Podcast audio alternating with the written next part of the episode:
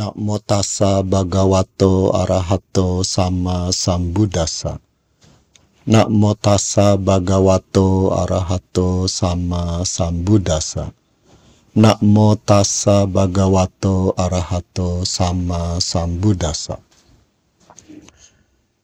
Selamat pagi Bapak Ibu Saudara-saudari yang saya hormati. Namo Buddhaya. Saya berharap semoga kita semua berada dalam keadaan sehat selalu. Pada minggu pagi ini ada satu ajaran Sang Buddha yang ingin saya sampaikan, agar kita semua menjadi lebih paham isi dan maknanya. Dan kemudian kita termotivasi, tergerak untuk segera mempraktikannya. Bapak, Ibu, saudara-saudari sekalian, kita tahu bahwa penduduk Indonesia saat ini ada sekitar 280 juta orang. Sedangkan penduduk dunia secara keseluruhan ada sekitar 7,8 miliar orang. Wow, banyak sekali bukan? Ya, betul. Banyak sekali orang yang hidup di kulit bumi ini. Akan tetapi, menurut Sang Buddha, ada dua orang yang amat sangat sulit dicari atau kita jumpai. Di antara begitu banyak manusia. Nah, siapakah mereka berdua itu? Dua orang itu adalah sesuai dengan tema pembahasan dhamma pada pagi ini, yaitu PK. Ya, PK. PK adalah Pubakari Katanyu Katawedi. Orang yang pertama, Bapak Ibu Saudara-saudari sekalian, yaitu yang disebut Pubakari, adalah orang yang menolong orang lain dengan tulus, tanpa pamrih. Pubakari membantu orang lain semata-mata demi kepentingan atau kebahagiaan orang yang ditolongnya.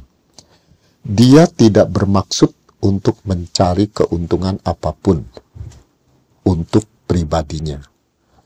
Tetapi benar-benar dia menolong dengan tulus.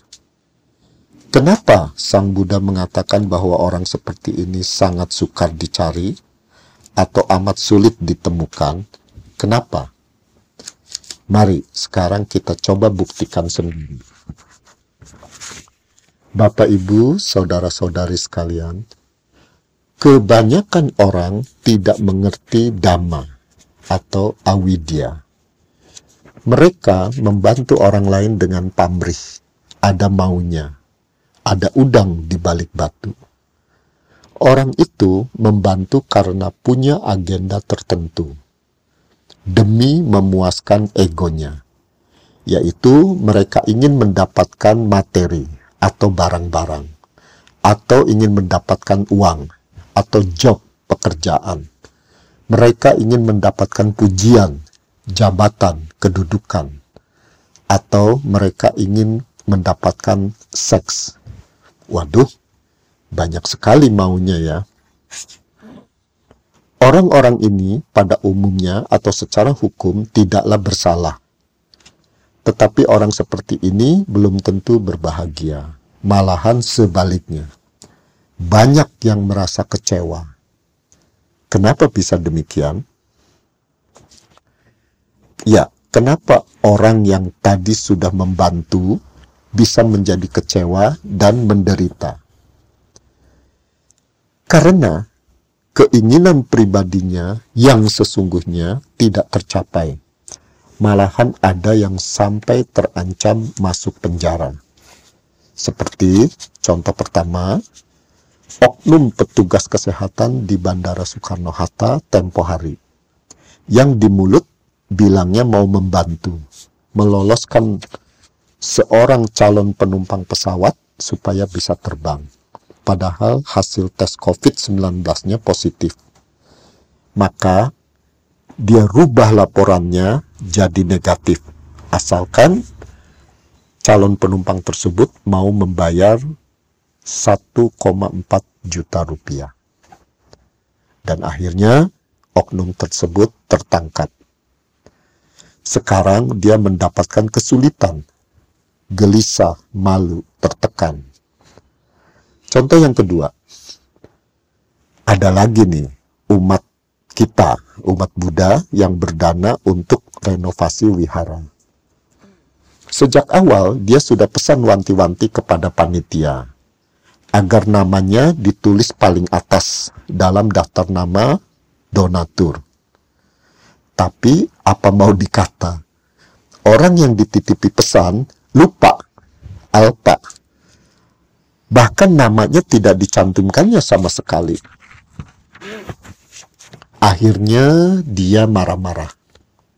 Dan tali persahabatan pun putus. Bahkan sampai jatuh sakit. Karena dia sering tidak bisa tidur di malam hari. Karena memikirkan pengalaman pahitnya tadi. Bapak, Ibu, saudara-saudari, dalam keseharian sudah barang tentu kita ingin mendapatkan kebahagiaan dan bukan penderitaan. Iya kan? Jika ingin bahagia, maka dari sekarang jadilah pubakari. Tolonglah orang lain dengan tulus, penuh meta dan bukan karena terpaksa. Bahagiakanlah orang lain. Rumusnya adalah bila kita punya niatan atau tujuan untuk membahagiakan orang lain, maka pastilah kita akan berbahagia. Mulai sekarang, kita akan mencontoh, meniru guru agung kita Sang Buddha, yaitu kita akan menolong atau membantu orang lain demi kebahagiaan orang yang kita bantu. Sang Buddha misalnya menolong satu Anggulimala. Anggulimala yang jahat yang telah membunuh 999 orang. Sang Buddha membantu agar dia jangan sampai membunuh ibunya, yaitu Mantani. Anggulimala akhirnya menjadi sadar. Kemudian yang kedua, kisah Gotami. Kisah Gotami memohon agar bayinya yang sudah meninggal dihidupkan kembali. Akhirnya, dia menjadi mengerti, menjadi sadar, menjadi bijak. Kedua orang yang ditolong oleh Sang Buddha tersebut akhirnya menjadi murid Sang Buddha dan mereka semua hidup berbahagia. Yang berikutnya, orang yang kedua, Katanyu Katawedi. Katanyu Katawedi adalah orang yang menyadari ketika dirinya ditolong oleh orang lain dan akan berterima kasih. Katanyu Katawedi sadar bahwa tabungan kusala kamanya telah tersedot, telah terpakai. Banyak orang yang tidak menyadari atau awidya. Tidak menyadari bahwa dia sedang ditolong oleh orang lain. Sehingga dia menganggap hal itu biasa saja. Dia tidak bergegas membuat kusala kama yang baru. Malahan sebaliknya, dia membalas pertolongan orang tersebut dengan tidak semestinya. Dia tega membohonginya. Dia menipunya dia memerasnya, kemudian meninggalkannya. Mungkin Bapak, Ibu, saudara-saudari sudah pernah mendengar istilah sudah ditolong malahan berbohong. Sudah dikasih utang atau pinjaman, eh, dia malahan kabur membawa aset perusahaan. Orang ini tidak akan bahagia karena dia tidak mengerti. Nah, karena kita bertujuan untuk mengenyam kebahagiaan dalam kehidupan ini, maka sadarilah saat kita ditolong oleh orang lain. Kemudian berterima kasih. Berterima kasih bukan sekadar say thank you atau mengucapkan xie tapi balaslah pertolongan tersebut dengan perbuatan bajik. Bapak Ibu sekalian, ada contoh yang sangat inspiratif yang ditunjukkan oleh Sang Buddha. Pada minggu kedua setelah mencapai enlightenment atau penerangan sempurna, selama seminggu beliau mengambil jarak tertentu, kemudian sambil berdiri memandangi pohon bodhi, Ficus religiosa, tanpa berkedip. Ini adalah ungkapan terima kasih beliau kepada pohon bodhi tersebut yang sudah melindungi tubuh beliau dari panas dan hujan ketika duduk bersamadi di bawahnya. Dengan berterima kasih, maka meta kita akan berkembang. Orang yang metanya berkembang akan dapat berdiam dalam Brahma. Penuh meta, penuh karuna, penuh mudita, penuh UPK.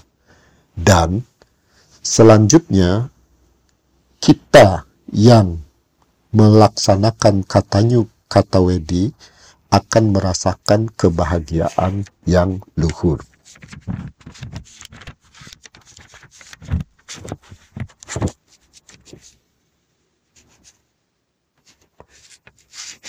Demikian Bapak Ibu, saudara-saudari yang saya hormati, setelah kita paham apa arti atau maksud dari PK ini, semoga Bapak Ibu berkesempatan untuk mempraktikannya dalam kehidupan sehari-hari. Bantulah orang lain dengan tulus, tanpa pamrih, maka pastilah Bapak Ibu akan mengenyam kebahagiaan. Lantas, sadarilah ketika Bapak Ibu sedang dibantu oleh orang lain, dan balaslah ke, dengan kebajikan.